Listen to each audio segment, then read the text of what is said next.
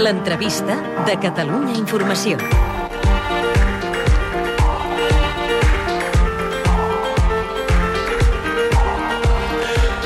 12 i pràcticament 4 minuts del migdia, som a 4 dies de la diada. Com l'any passat, l'Assemblea Nacional Catalana prepara un gran acte massiu per reivindicar la independència de Catalunya. L'any passat, les imatges de la manifestació, ho recordarem, van donar la volta al món i, de fet, van forçar els grups polítics a començar això que en diem el camí pel dret a decidir. Aquest migdia en parlem amb la presidenta de l'ANC, amb Carme Forcadell. Senyora Forcadell, bon dia.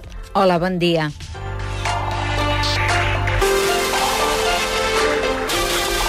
Dèiem ara pujant les escales per arribar a l'estudi, senyora Forcadell, que aquest any estem també molt pendents de la meteorologia. Avui tenim un cel ennuvolat, estem a quatre dies, no sé si pateixen per pluja. Home, ens agradaria més que no plogués, però la pluja no ens aturarà, eh? això també ho tenim clar. Senyora Forcadell, el president del govern central mostra ara voluntat de diàleg. Creu que hi ha possibilitat d'arribar a un acord amb Mariano Rajoy pel que fa al dret a decidir de Catalunya? És difícil, però mm, de tota manera nosaltres entenem que el president Mas intenti aquest diàleg perquè nosaltres també ens agradaria poder fer el referèndum d'acord amb la legalitat espanyola, tal i com ho poden fer els escocesos, d'acord amb la legalitat de la Gran Bretanya. Vol dir, nosaltres entenem que intenten arribar a acords per convocar el referèndum, la consulta. Es creu, però, el president de la Generalitat quan diu que no s'ha mogut ni un mil·límetre en la seva voluntat de fer una consulta al 14? Nosaltres el que tenim clar, eh, no sabem si s'ha mogut o no. Eh, ell diu que no. Eh, ell diu que no s'ha mogut i que s'ha... De tota manera, nosaltres el que tenim clar és que la consulta s'ha de fer el 14. Hi ha un pacte de govern i no hi ha res que ho impedeix. Per nosaltres la consulta s'ha de fer sí o sí el 14, d'acord amb, la, amb la legalitat espanyola o amb la llei de consultes catalana. Si el Parlament de Catalunya va dir el 23 de gener que aquest poble és sobirà i que només nosaltres podem decidir aquest, el futur, això s'ha de demostrar. I com es demostra? Fent la consulta, sí o sí, al 2014. Ho deia també avui el president d'Esquerra Republicana, Oriol Junqueras, en aquesta mateixa casa, el programa El Suplement de Sílvia Coppola, parlava d'aquesta consulta el 14 sí o sí, també deia que confiava en el president Mas, però per què no pot deixar-se pel 15 o pel 16 el dret a decidir si això implica fer-ho amb més garanties d'èxit? Perquè Catalunya no pot esperar, no pot aguantar fins al 2016.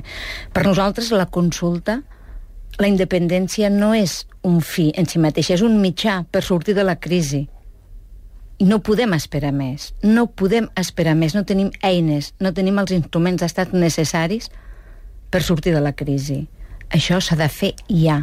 El poble, aquesta tensió, aquesta indecisió, és a dir, oi que hem dit que estem decidits a decidir el nostre futur, oi que aquest procés ja engegat, està engegat, doncs per, per què espera més? Perquè estem amb aquesta indecisió. La gent necessita saber que el seu govern està disposat a convocar la consulta i que ho farà. La consulta s'ha de convocar ja, perquè aquesta indecisió, aquest impàs no favoreix a ningú, i menys que a ningú a nosaltres, els catalans. No serà també perquè una possible millora de la situació econòmica podria anar en contra del suport a la independència de Catalunya?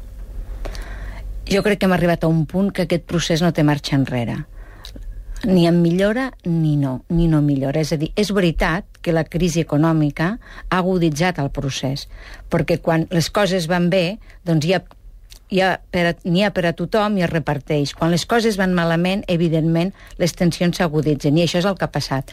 Però jo crec que la crisi econòmica també ha fet que ens adonéssim d'una vegada per totes que realment fa molts anys que estem maltractats fiscalment i que això no té solució, és que no en té. I a més a més, sobretot, ens hem adonat d'una vegada per totes que és que el govern espanyol no ens vol com a catalans. No ens vol com a catalans. I això ens hem adonat molt i molt clarament amb la sentència del Tribunal Constitucional. Jo crec que la sentència del Tribunal Constitucional i després reblat per la crisi econòmica han marcat un punt de no retorn. Si finalment la consulta no es pogués fer acordada amb Madrid, si també s'inhabilités eh, d'alguna manera els camins per fer-ho amb la legalitat catalana, vostè seria partidari d'unes eleccions en caràcter plebiscitari? o d'una declaració d'independència. Nosaltres, l'Assemblea, ja tenim en el nostre full de ruta, som partidaris de qualsevol camí, sempre que sigui democràtic i pacífic per aconseguir un estat. Passi o no passi per les urnes per les ungles sempre hi passarà, perquè miri, si es fa unes eleccions hi passarà, i si es fa una declaració, eh, d'independència, després aquesta declaració haurà de ser ratificada pel poble de Catalunya. Per tant, sempre hi acabarà passant. Eh? Al principi o després. És millor el principi, d'acord, és millor referèndum consulta, però si això no és possible perquè l'estat espanyol ho impedeix o no en reconeix el resultat, nosaltres no ens podem aturar per això. Hem de continuar endavant. Som sobirans, doncs hem de decidir. Com? Qualsevol manera és bona.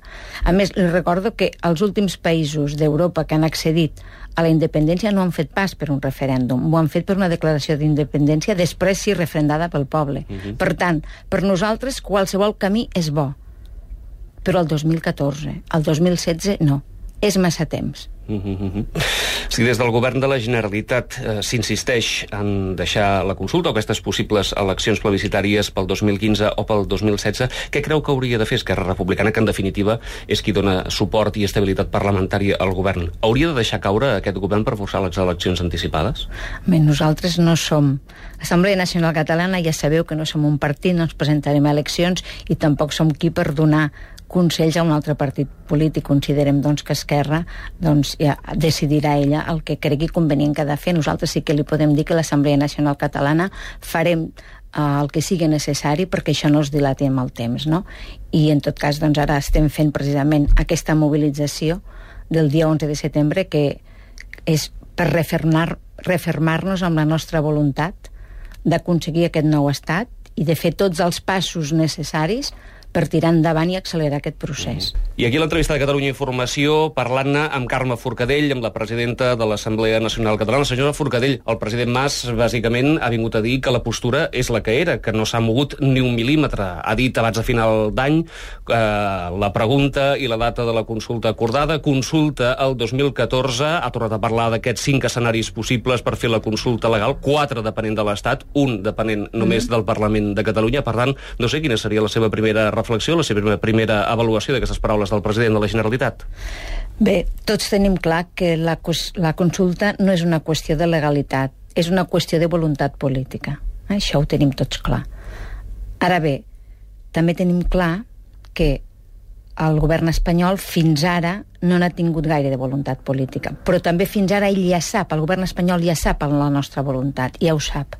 Per tant, si ha de dir sí o ha de dir no a, a, a poder-ho fer amb el seu suport, això ja s'ha de dir ja, això ja s'ha de saber. El senyor Mariano Rajoy això ja ho sap, ho té pensat, doncs que ho digui. I si no és possible, sota la legalitat espanyola, la catalana.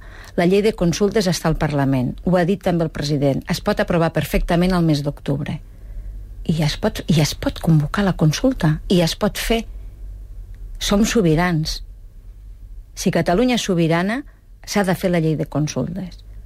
S'ha de fer, s'ha d'aprovar i si no es pot sobre la legalitat, sobre la d'acord amb la legalitat espanyola, convocar-la d'acord amb la legalitat catalana i fer-la, i fer-la, perquè som sobirans.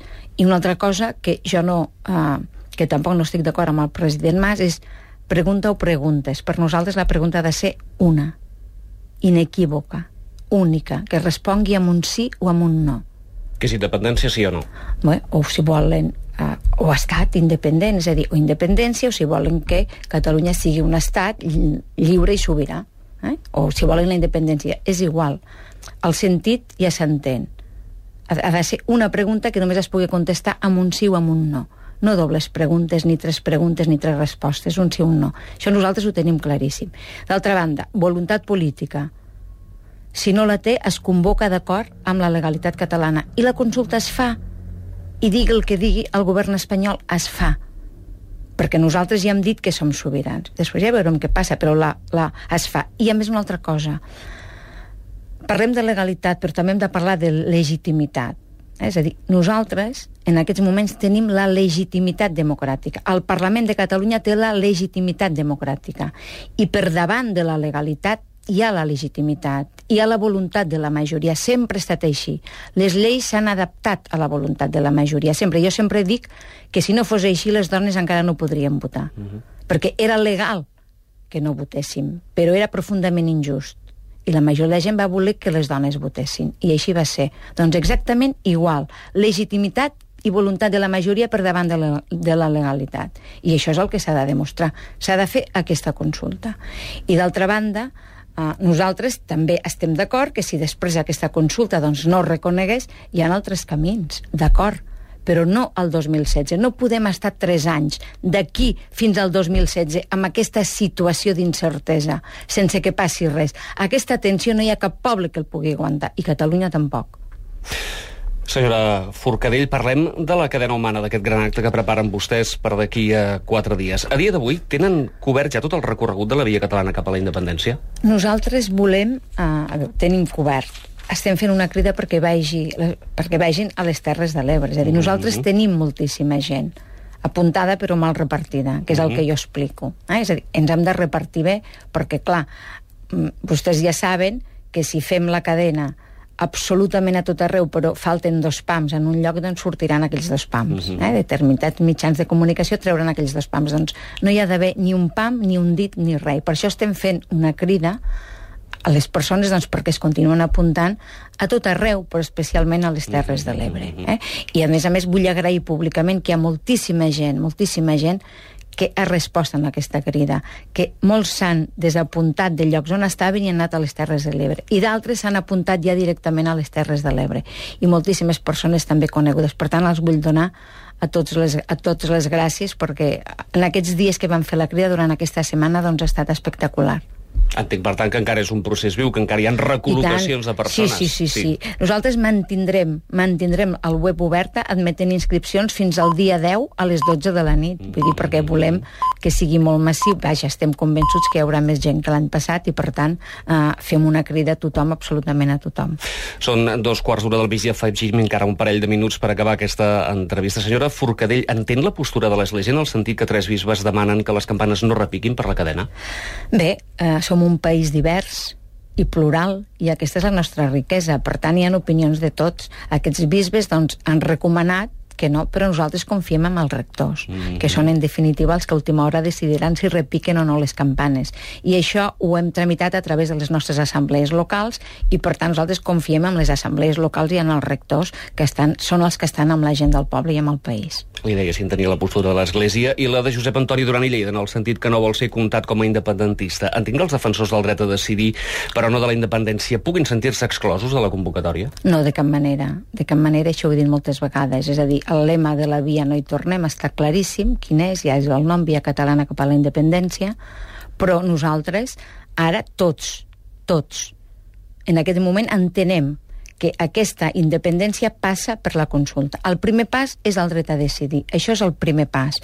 I nosaltres convidem a tots els demòcrates i a tots els que defensin el dret a decidir assistir-hi, perquè nosaltres, el nostre clam serà demanar instar al govern de Catalunya perquè convoqui la consulta. Ell ha dit, el president Mas ha dit d'aquí a final d'any, nosaltres creiem abans, i perquè ens digui la pregunta. És a dir, això és el primer pas que nosaltres farem, el primer objectiu. Evidentment hi ha un segon objectiu de visualització internacional, de refermar-nos en la nostra voluntat, d'acord, però el primer és aquest. Aleshores, jo no entenc que ningú s'hi pugui sentir exclòs de la mateixa manera que la manifestació de l'any passat doncs, va ser multitudinària, inclusiva, lúdica i festiva, doncs la cadena d'enguany exactament igual. Mm -hmm.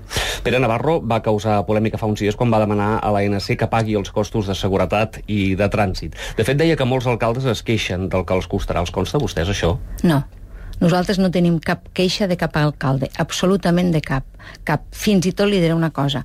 Molts d'aquests alcaldes són membres de l'Associació de Municipis per la Independència però els que no ho són tampoc ens costa que s'hagin queixat a nosaltres directament, no?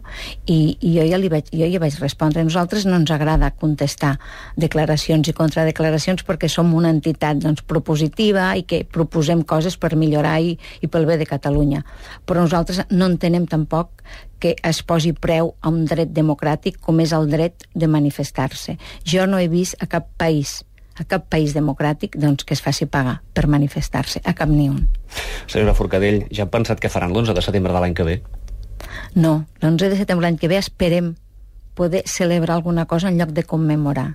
Esperem poder celebrar alguna cosa. Però no, no ho hem pensat. És Carme Forcadell, la presidenta de l'Assemblea Nacional Catalana. Senyora Forcadell, gràcies i molta sort. Moltes gràcies a vosaltres i sort a tots i al país.